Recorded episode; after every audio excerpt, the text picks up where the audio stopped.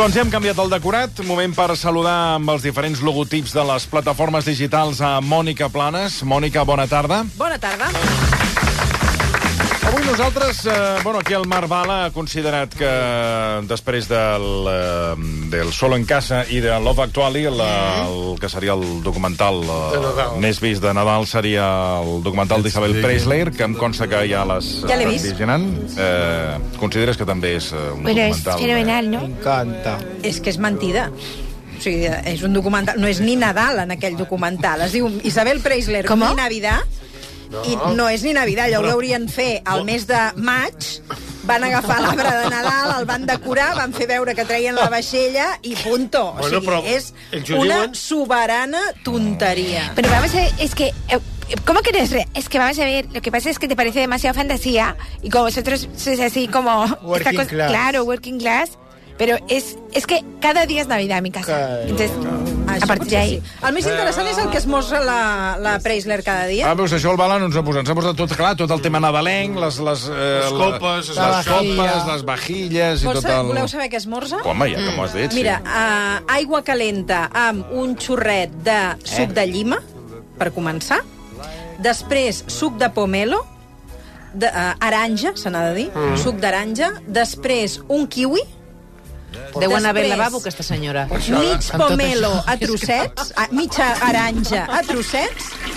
Després, un got d'aigua amb llavors Hòstia, però- de... però, Un perdona, però quant de líquid, sí, sí, no? només, només Que desagradable, tot un got d'aigua amb, lla amb llavors de lli que, que suren al, a dins de l'aigua, ja ho remena i s'ho veu, i per acabar, no tots els dies, una cosa que ell en diu agua de Jamaica, Agua que jo m'he pensat que era un còctel de vi negre, però resulta que no, que és com una infusió d'hibisc. Molt líquid, veig aquí. I jo us diria que és l'únic que mengen tot el dia perquè no he vist que tornés a menjar uh, res més en Oh, tot el però documental. això- I això que la seva cuinera, la Ramona, prepara uns suflecitos. Mm. Els Los sofrecitos, sí. Sí, Pues, ese sí. però cada dia... Quin, quin esmorzar, no?, fa la teva... Bueno, eso es, eso teva es mare? el día... Eso, Tot és eso- líquid, líquid, Eso por líquid. Navidad, porque No, es- no, no. Bueno, no, l'únic dia. sòlid que ens has dit és el kiwi, El que kiwi. també el kiwi fa... fa I les llavors, les llavors. Les llavors. Sí, sí, no, no, va, va Alguna plegar. cosa fa. Bé, Espero la... que l'alimentin. Aquest és el documental que ens ha servit, eh, bueno, la, la, la, segons el, el Marc Bala, és la pel·lícula de Nadal per veure aquestes festes, que crec que és bastant prescindible, i la Mònica Planes ap aposta pel plat fort de Netflix aquest de mes de desembre, que és El gran cirujano del engaño. Ui. A Netflix, tres, tres capítols d'una hora, us A més, recomano. s'ha estrenat fa quatre Fa dies, quatre perquè dies. em va arribar l'alerta, vull dir que fa el, quatre dies. El título ya es muy goloso, ¿eh? Sí, uh, està quart en aquests moments més vist a Espanya Fixa't. i arreu del món ho Fixa't, està fixa't. patant. És una història molt bèstia, fa patir, De debò, però és de fa patir veritat. perquè les persones que surten pateixen molt, Jesús.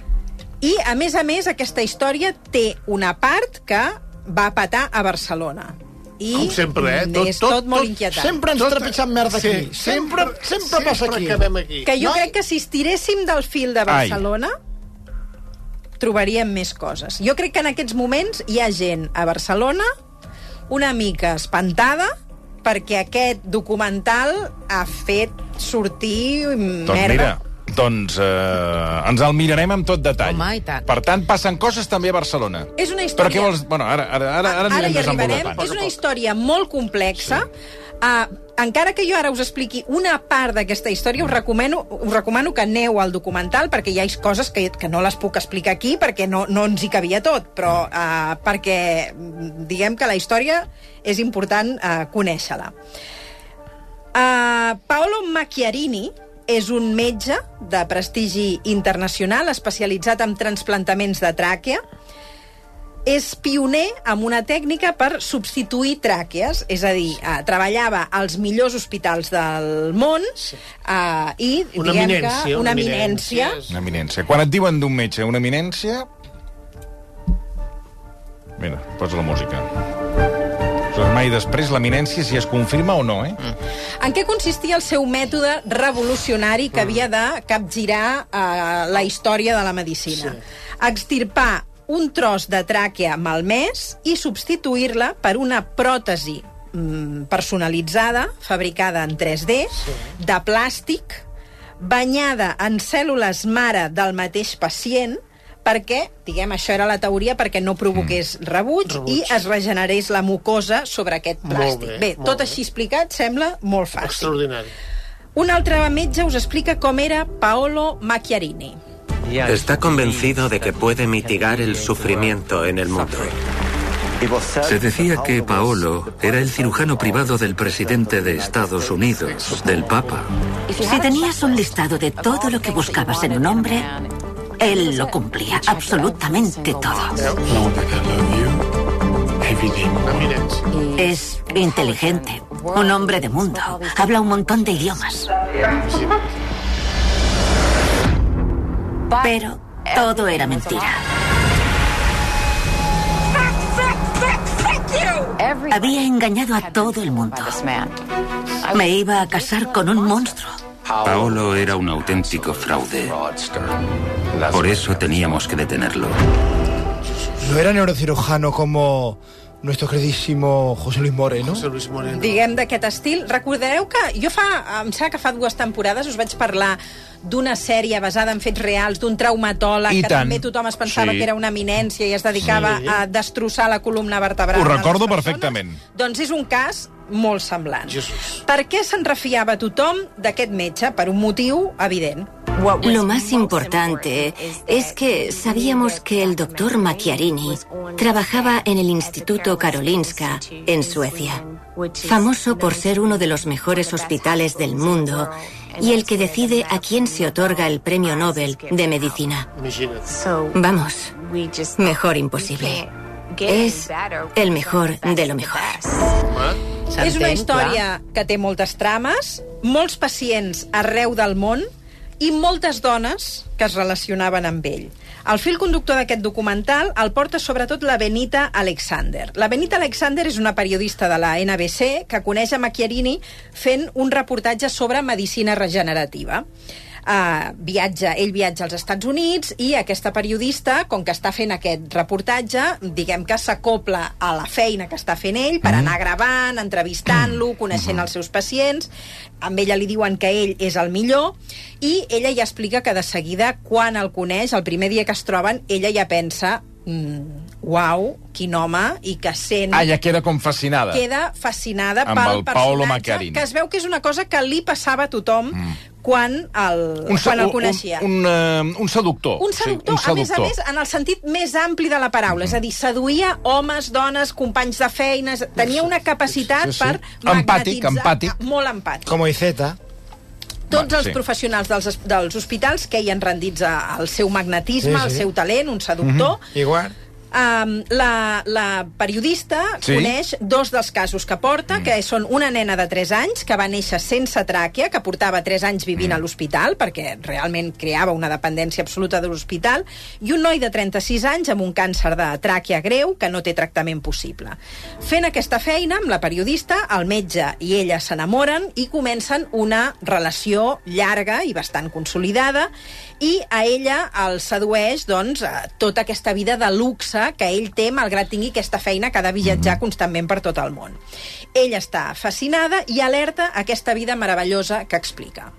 Una de las cosas que hacía que Paolo resultase tan interesante era que trabajaba por todo el mundo. Un italiano apuesto, encantador, guapísimo, que habla cinco o seis idiomas, trabaja en el hospital, que otorga los premios Nobel de Medicina, tiene una casa preciosa en Barcelona y siempre sale de viaje desde Barcelona para ir a cualquier punto del planeta. Vive una vida súper emocionante. No me gustan mucho las relaciones a larga distancia. Me parece que es muy difícil que duren, pero con Paolo no era así. Al principio teníamos mucho cuidado por el tema profesional. Yo aún estaba valorando qué hacer al respecto. Pero Paolo, él quería ir a por todas. Atenció, perquè aquí ja trobarem una bandera vermella, però, per variar, hi ha persones que les interpreten molt malament. Una de las peculiaridades de Paolo, que es algo que mis amigas hoy en día aún comentan, es que no solo hablaba cinco o seis idiomas, sino que tenía cinco o seis teléfonos. Era casi cómico, porque a veces ponía todos los teléfonos delante de él y decía, Bueno, este es el teléfono de Barcelona, este es el de Estados Unidos, este es el ruso y este es el sueco. James Bond, un aprendiz a su lado. A ver, ¿quién va por ahí con cuatro o cinco teléfonos? ¿Quién se aclara teniendo cuatro o cinco teléfonos? Pero cogía uno y se ponía a hablar en un idioma, cogía otro y hablaba en otro idioma. Decía que necesitaba un teléfono diferente para cada sitio en el que trabajaba, que así era más fácil. Después se me ocurrieron otras teorías sobre todos sus teléfonos, però al principio era parte de su atractivo. Clar, perquè ell s'endreçava d'aquesta manera. Home, és estrany, eh? Ah, sí? De moment ja tenim Barcelona com eh, un dels llocs on ell resideix. Eh? Té una casa a Barcelona. Paolo Macchiarini. Correcte. Què passarà amb aquests pacients que hem dit, amb aquesta nena de 3 Sí. anys, amb aquest pacient de 36? Veiem imatges on ell és molt carinyós amb aquesta nena de 3 anys, i la nena va intubada i li diu, vols que et tregui aquest tub que portes aquí? Ah, és a dir, és un senyor molt carinyós amb la nena, se la guanya, es guanya els pares, es guanya la confiança de tothom del seu entorn, i aquest noi de 36 anys li diu que ell el pot curar, i l'envia a Suècia per operar-lo directament en el Karolinska mm. i diguem que tota la família se'n va cap allà perquè pugui ser atès uh, d'aquesta malaltia. Moriran tots. Noi, Sí. Escolta'm. Escolta, no, no, no. No t'has preparat, eh? cosa un poco... Sí, sí, ah, perdona, acabem de, comen acabem de començar Ah, hombre, claro. el, el, el documental del, de eh, el del gran ciru, el gran cirujano de l'enganyo i ja acabes de, de, de, de deixar-nos freds com una galleda de, de gel. dir, ja es veu... Moriran tots. Pues Ja es pot dir, dir, dir que se subia a un Perquè tengo reservado. Us he de dir que quan surten del quiròfan estan molt pitjor de quan han entrat. Vull dir que tu ja veus que en aquell procés ha passat alguna cosa que dius, escolti, això no... no... O sigui, els veus que estan pitjor. Claríssimament, claríssimament pitjor. Jesús. Um, ell ho atribueix a les malalties prèvies dels pacients, Esclar. però el cert és que tindran un postoperatori i una mort eh, amb molt de patiment, Ai, una agonia pobres. terrible, però els familiars li estan eternament agraïts per haver-los donat aquest bri d'esperança final. Mm. Quin és el problema? Que Macchiarini, després de les operacions, Mm. sempre desapareix. Mm. És a dir, ell fa l'operació mm. i després deixa a, en els pacients amb els metges d'aquell hospital A l'e- a l'e- a l'equip de l'hospital que ja s'apanyaran. Mm. I realment els deixen situacions mm, diguem que mèdicament molt més complexes que quan tenien aquell pacient abans. Però, en canvi, l'actitud del metge mm. és sempre la mateixa. Ho diu un col·lega seu. Paolo Macchiarini piensa de manera diferente a la mayoría de cirujanos. Piensa que cada vez que hace algo, está haciendo algo espectacular. Pero surgieron algunas preguntas. ¿Realmente es un método válido? Empezaba a dudar qué pensar y qué creer. Cuantas más personas cuestionaban a Paolo Macchiarini, más se molestaba. Creo que se ve a sí mismo como lo más parecido a Dios. Sí. Però, esclar, a veure, quan tu entres en una operació et fan signar un paper sí. conforme i pot haver complicacions derivades de les operacions. Vull dir que, esclar, això és la realitat. Sí, diguem que això és el que diguem, el perma- li permetia tirar endavant. Paral·lelament tenim la història d'amor amb la periodista Sí. Benita Alexander, Mm. passa a Nova York, passió total, encara que ell Fixa't. sempre estigui viatjant arreu del món. Fixa't. Ell no para d'enviar-li vídeos declarant-li el seu amor Fixa't. apassionat, Fixa't. li envia regals i quan es troben veuen les estrelles, passen un Nadal junts i ell aprofita per demanar-li que es casin amb un anell espectacular. Bueno, clar, si és que té eh? aquest prestigi Sí, home, i aquestes, home. aquestes operacions, Home, clar, és diràs. un top. És un metge, un top. Correcte. Tot doctor. Aquest anell, si mireu el documental, veureu que també té la seva història, però, en canvi, ell li diu que al cap d'any no, no el poden passar junts Vaja. perquè té feina. Le dije, ¿en serio? ¿En fin de año? Él insistió, es una operación importante, tengo que irme. Yo no paraba de hacerle preguntas al respecto, como, ¿de verdad? ¿A quién tienes que operar en fin de año? Él titubeaba, tartamudeaba y estaba un poco reticente, pero entonces me dijo, sabes, tengo que contarte una cosa, pero no deberías saberlo. La verdad es que tengo algunos pacientes muy importantes. Y yo le dije, ¿qué quieres decir? Y respondió, bueno, Tengo algunos clientes famosos y algunos de ellos son líderes y dignatarios mundiales. Y añadió, mira, la verdad es que esa gente no quiere que se aire en sus asuntos privados. Y me dijo que formaba parte de una especie de red secreta de médicos que cuida de ese tipo de gente. Al final me contó que iba a ver a Bill y a Hillary Clinton. Y recuerdo que me quedé alucinada.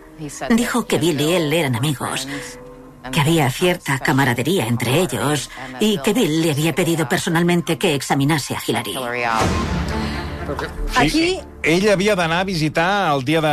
Això és que és Nadal o Cap d'Any? això és per Cap d'Any. Cap d'Any a Hillary. Correcte.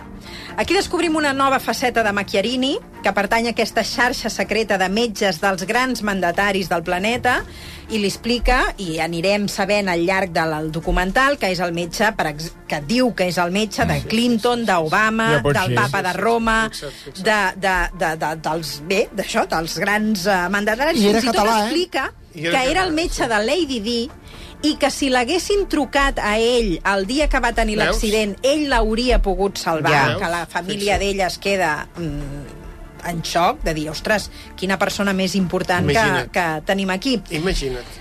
Paral·lelament, els pacients trasplantats a Suècia, mm. altres pacients que té al Karolinska, i després també a Rússia. La trama de Rússia mm. és terrible, terrible, però eh, fa faradat, van caient.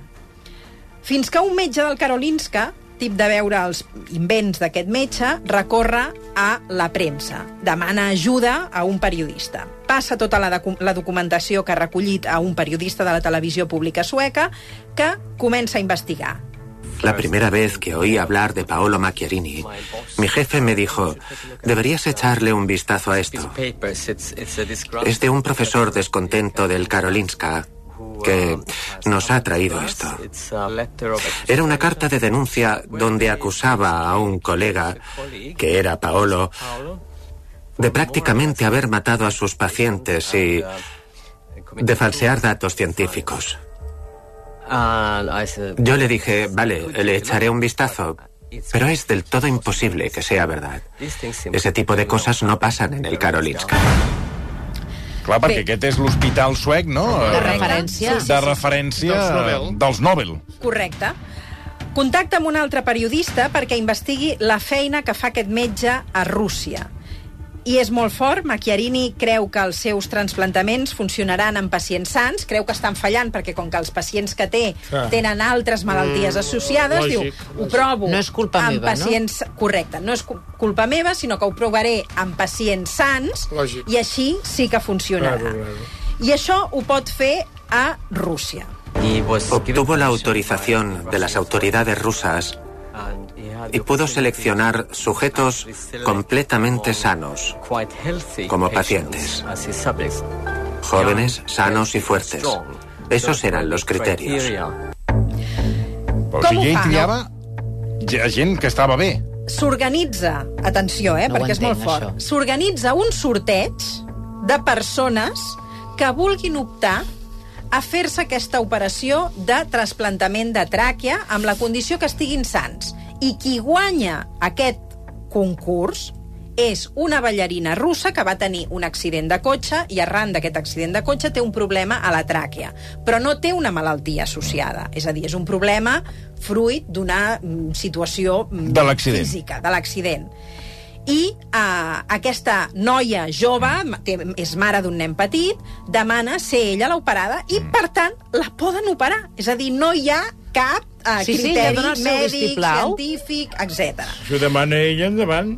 Us he de dir que en aquest documental fan, hi ha moltíssimes imatges d'arxiu, tant de les relacions personals, de les operacions que fa en els hospitals, perquè molta gent gravava aquest, feia documentals d'aquest metge pel fet de ser una eminència i perquè ell enviava molts vídeos i es feia moltes fotos amb totes les seves dones, de tal manera que a l'hora de fer aquest documental de, Netf de Netflix hi ha molta eh, informació eh, recopilada. Uh, aquesta ballarina Sí, uh, que és un dels ella es moments, vol que l'operin. vol que l'operin A Rússia, a Rússia, és un dels moments més bèsties.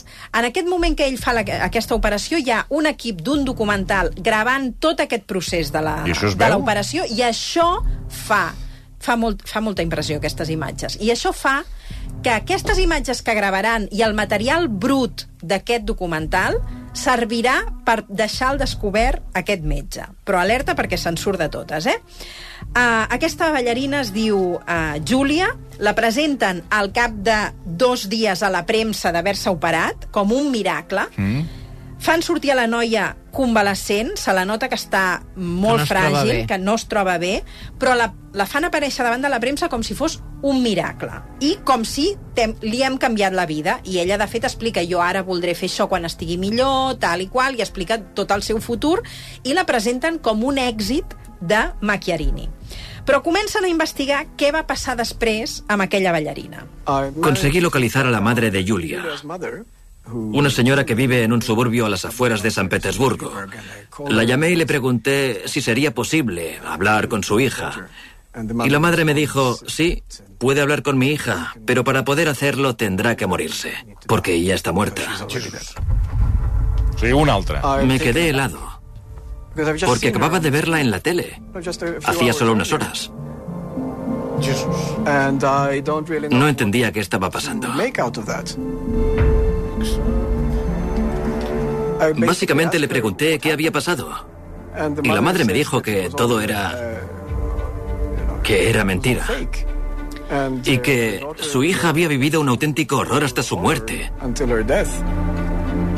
Y que todo era... bueno, una gran estafa. Y tortura y asesinato.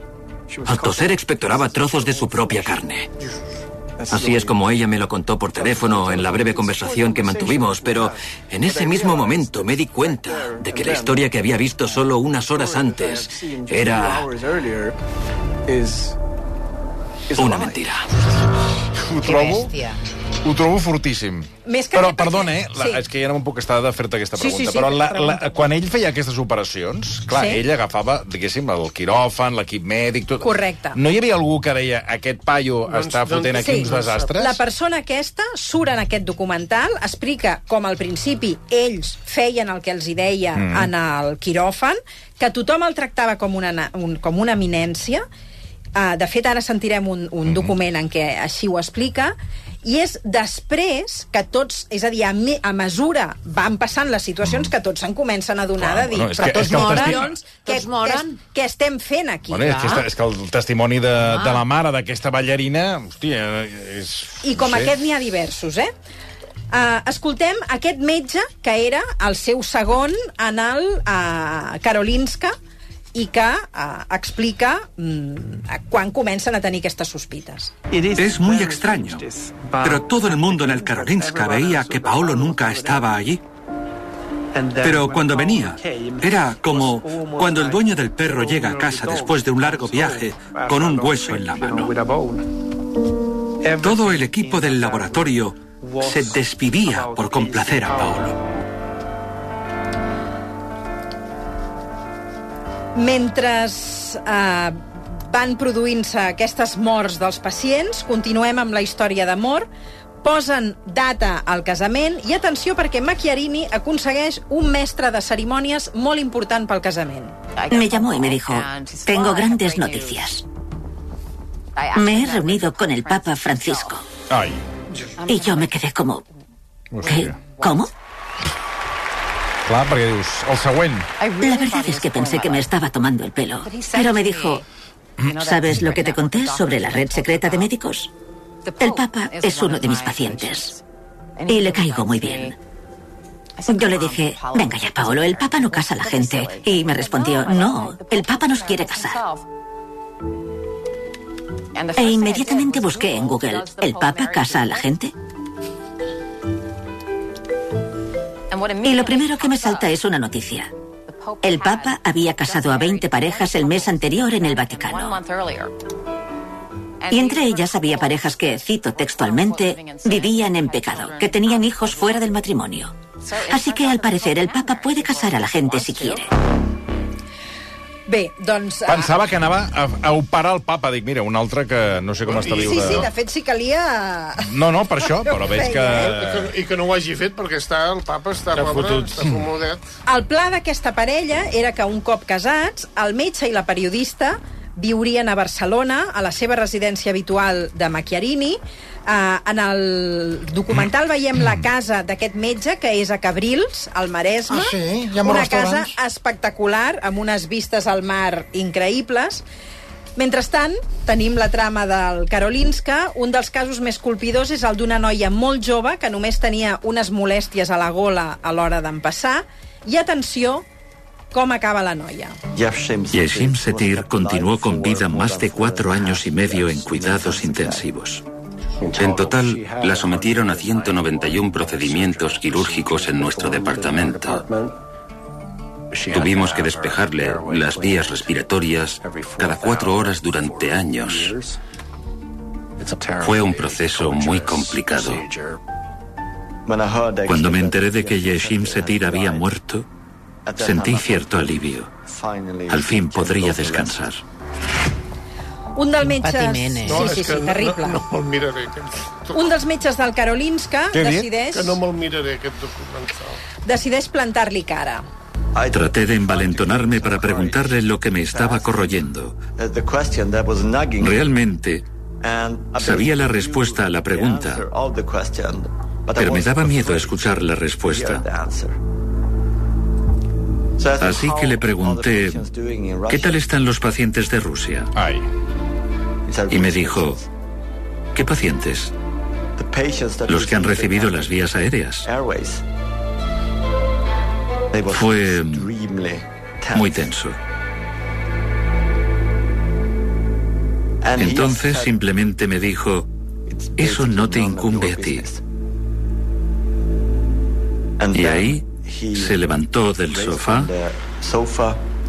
y se fue de la biblioteca. Atenció que ens escriu la Noemi i ens diu Dono fe que els pacients sortien pitjor que abans d'entrar a quiròfan. Ho vaig viure amb la meva millor amiga. És que també va operar a Barcelona, aquest senyor. Per tant, eh, Doncs una de les pacients que va passar per les mans d'aquest doctor era la millor amiga de la Noemi. O és la millor amiga de la Noemi, no ho sé. Recordem que estem parlant de Paolo Macchia... Macchiarini. Macchiarini, el protagonista d'aquest documental que avui ens porta Mònica Planes, que ho està, allò que en diríem, patant a Netflix, eh, El gran cirujano del engaño, que evidentment eh, ens està fent una masterclass del que és eh, l'engany total. Què fan els metges del Karolinska? S'organitzen secretament entre ells per buscar proves que demostrin que aquest metge és un psicòpata i un frau per denunciar-lo a l'hospital. I què descobreixen? Doncs que Macchiarini no té assajos científics previs del seu mètode de trasplantament ni en laboratori ni en animals, i això contradiu totes les normes científiques, els codis ètics, etc etc. i a més a més descobreixen que ha manipulat les dades dels pacients i algunes mostres per així poder-los operar. Quan tots els metges tenen les proves, el denuncien a la cúpula de l'hospital i l'institut els aparta de la seva feina i els, no els creu. Diu que aquest metge... Ah, els aparta els aparta denunciants. Els denunciants. Imagina't. Paral·lelament, els metges de, de Suècia troben el material descartat perdoneu, els, els periodistes de Suècia troben el material des, descartat del documental que s'ha rodat a Rússia on veuen la fredor de Macchiarini amb la Júlia i com pren decisions temeràries. Per exemple, l'estan avisant que cap de les pròtesis de la tràquea que han arribat eh, són bones, que són totes defectuoses, i ell decideix fer-les servir igualment, encara que siguin defectuoses. Com continua, per altra banda, la història d'amor? La núvia està esperant un casament que organitza en Macchiarini, perquè Mm. és una eminència i viatja per tot el món, però a més a més s'encarrega ell d'organitzar el on casament. es volen casar? A Castel Gandolfo, a la residència d'estiu del papa de Roma, i a més a més, tots aquests mandataris, dels quals ell Sí, és metge, ell és el metge. ser, uh, són convidats a aquest casament, juntament amb les famílies de tots els pacients que han mort a diferents hospitals del món. Um, el papa serà l'encarregat d'oficiar El la papa els missa, casarà, els casarà. els convidats són uh, Hillary Clinton i totes Obama. aquestes personalitats del món, Correcte. i les, que és el que trobo més sòrdid, les famílies de la gent que ha mort. Correcte, que també surten en aquest documental explicant com van rebre la invitació del casament i que estaven bastant flipats d'haver d'anar a una boda d'aquestes característiques. Fins que la Núvia, la periodista, Sí. rep un missatge de WhatsApp d'una companya de feina. Y al salir del spa, mientras pagaba en recepción, saqué el teléfono para echarle un ojo, sin más, y vi un mensaje que en el asunto ponía el Papa. Era de una compañera de trabajo. Solo decía, el Papa estará en Sudamérica el 11 de julio. No estará en Italia. Y el viaje lleva mucho tiempo programado.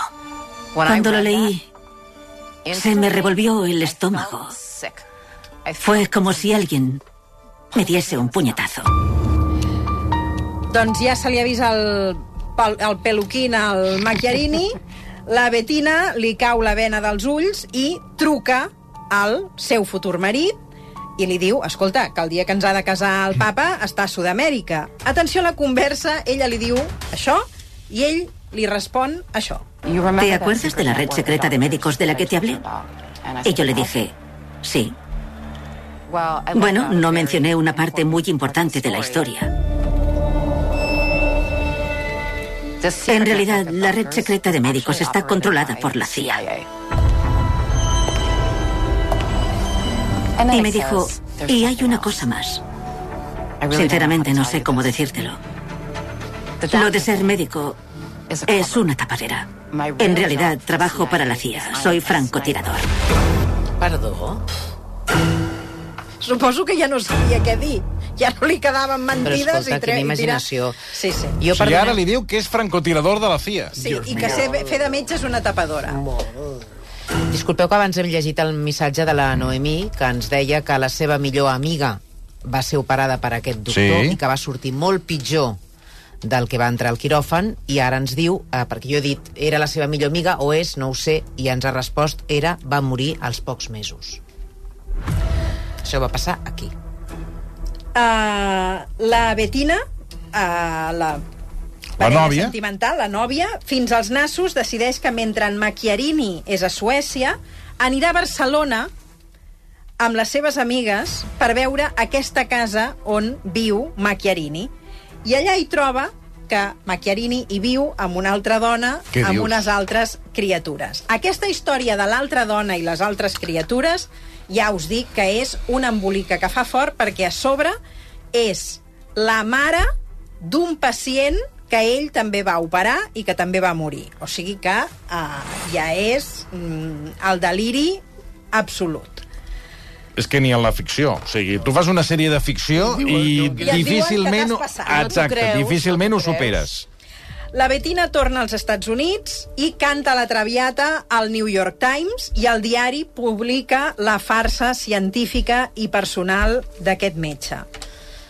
Què passarà amb Paolo Macchiarini? Com actuarà l'Institut Karolinska de Suècia? Com actuaran totes les dones enganyades per Macchiarini?